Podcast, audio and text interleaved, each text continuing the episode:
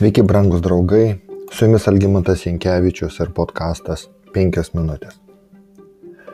Nuo atmenamų laikų žmonės statė paminklus, kad jam žytų tą ar kitą įvykį. Paminklai skirti dideliems pergalėms atminti, iškilių žmonių ir net gyvūnų atminimui. Pavyzdžiui, šuo vardu Barik, kuris XIX amžiaus pradžioje išgelbėjo 40 žmonių iš sniego nuošliaužų, atsiprašau, Alpėse, Švento Bernardo perėjoje.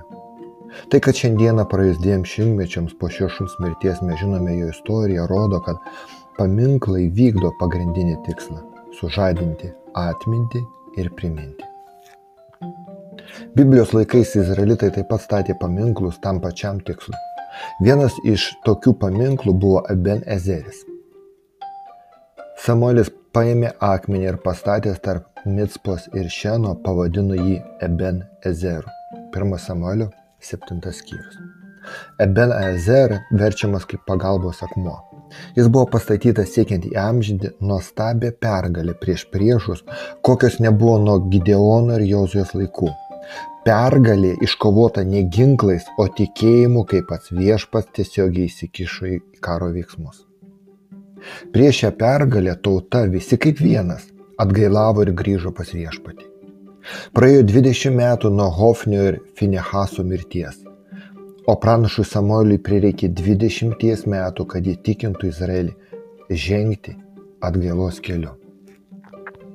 Praslinko daug laiko, 20 metų nuo tos dienos, kai skrinė buvo įkurdinta Krijat Jerimuose.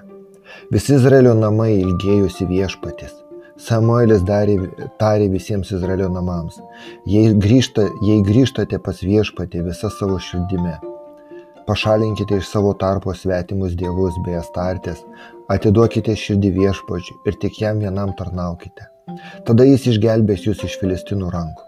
Tada izraelitai pašalino balus bei astartės ir tarnavo tik viešpačiui. Tada Samuelis tarė, surinkite visą Izraelį į Mitspą aš maldausiu viešpatį jūsų labui. 1 Samuelis 7 skyrius nuo antros eilutės. Pagaliau nusprendęs nutraukti stabmeldystę, visas Izraelis susirinko garbinti viešpatį Mitspoje. Filistinų didžiūnai, kuriems nepraslydo tai pro akis, galėjo laikyti tokį gausių susirinkimą tik tai bandymu nuversti jų įtaką, jų valdžią Izraeliui todėl suskubo smogti smūgį pirmieji.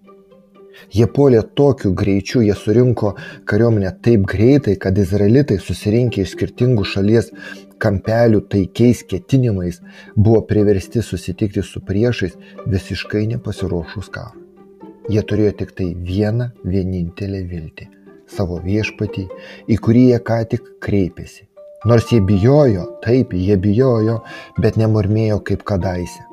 Izraelitai maldavo Samuelį, nepalik mūsų, nenustok šauktis viešpaties mūsų Dievo, kad išgelbėtų mus iš filistinų rankų. Ir viešpats greitai atsakė. Tuo metu Samuelį atnašaujant deginamąją auką, filistinai pradėjo mūšį su Izraeliu. Bet viešpas tą dieną baisiai sugriaudėjo prieš filistinus. Jie sukėlė tarp jų tokį samišį, kad izraelitai juos nugalėjo. Izraelio vyrai išėję iš Micpos ir vijosi filistinus, niokodami juos iki pat anapus Betkaro. 1 Samuelio 7 skyrius 10-11 eilutės. Ir tada Samuelis pastatė šį paminklą. Toje pačioje vietoje, kur prieš 20 metų Izraelis prieš filistinus patyrė didžiulį pralaimėjimą ir parado sandoros skrynę, dabar jie šventė pergalę. Kur Izraelis kažkada pabėgo iš siaubo, dabar filistinai pabėgo iš siaubo kur viešpats atidavė juos priešams už jų nuodėmės kažkada prieš 20 metų, dabar jis apgynė juos dėl jų ištikimybės. Viešpats juos palaimino. Brangus draugai, Ebenezero istorija yra 20 metų istorija. Jei pažvelgsime šiek tiek iš šalies, pamatysime labai aišku ryšį tarp pergalės ir paklusnumo, paklusimo viešpačiui. Šis principas yra nekarta patvirtintas Biblijoje ir naivu manyti, kad šiandieną kažkas radikaliai pasikeitė, kad jau nebereikia paklusimo viešpačiui. Ir šiandieną pergalės mūsų gyvenimą kyla irgi iš viešpatės, bet tik tuo atveju, jei aš ir jūs esame viešpaties sąjungininkai. Su jumis buvo penkios minutės ir Algymantas Jankievičius.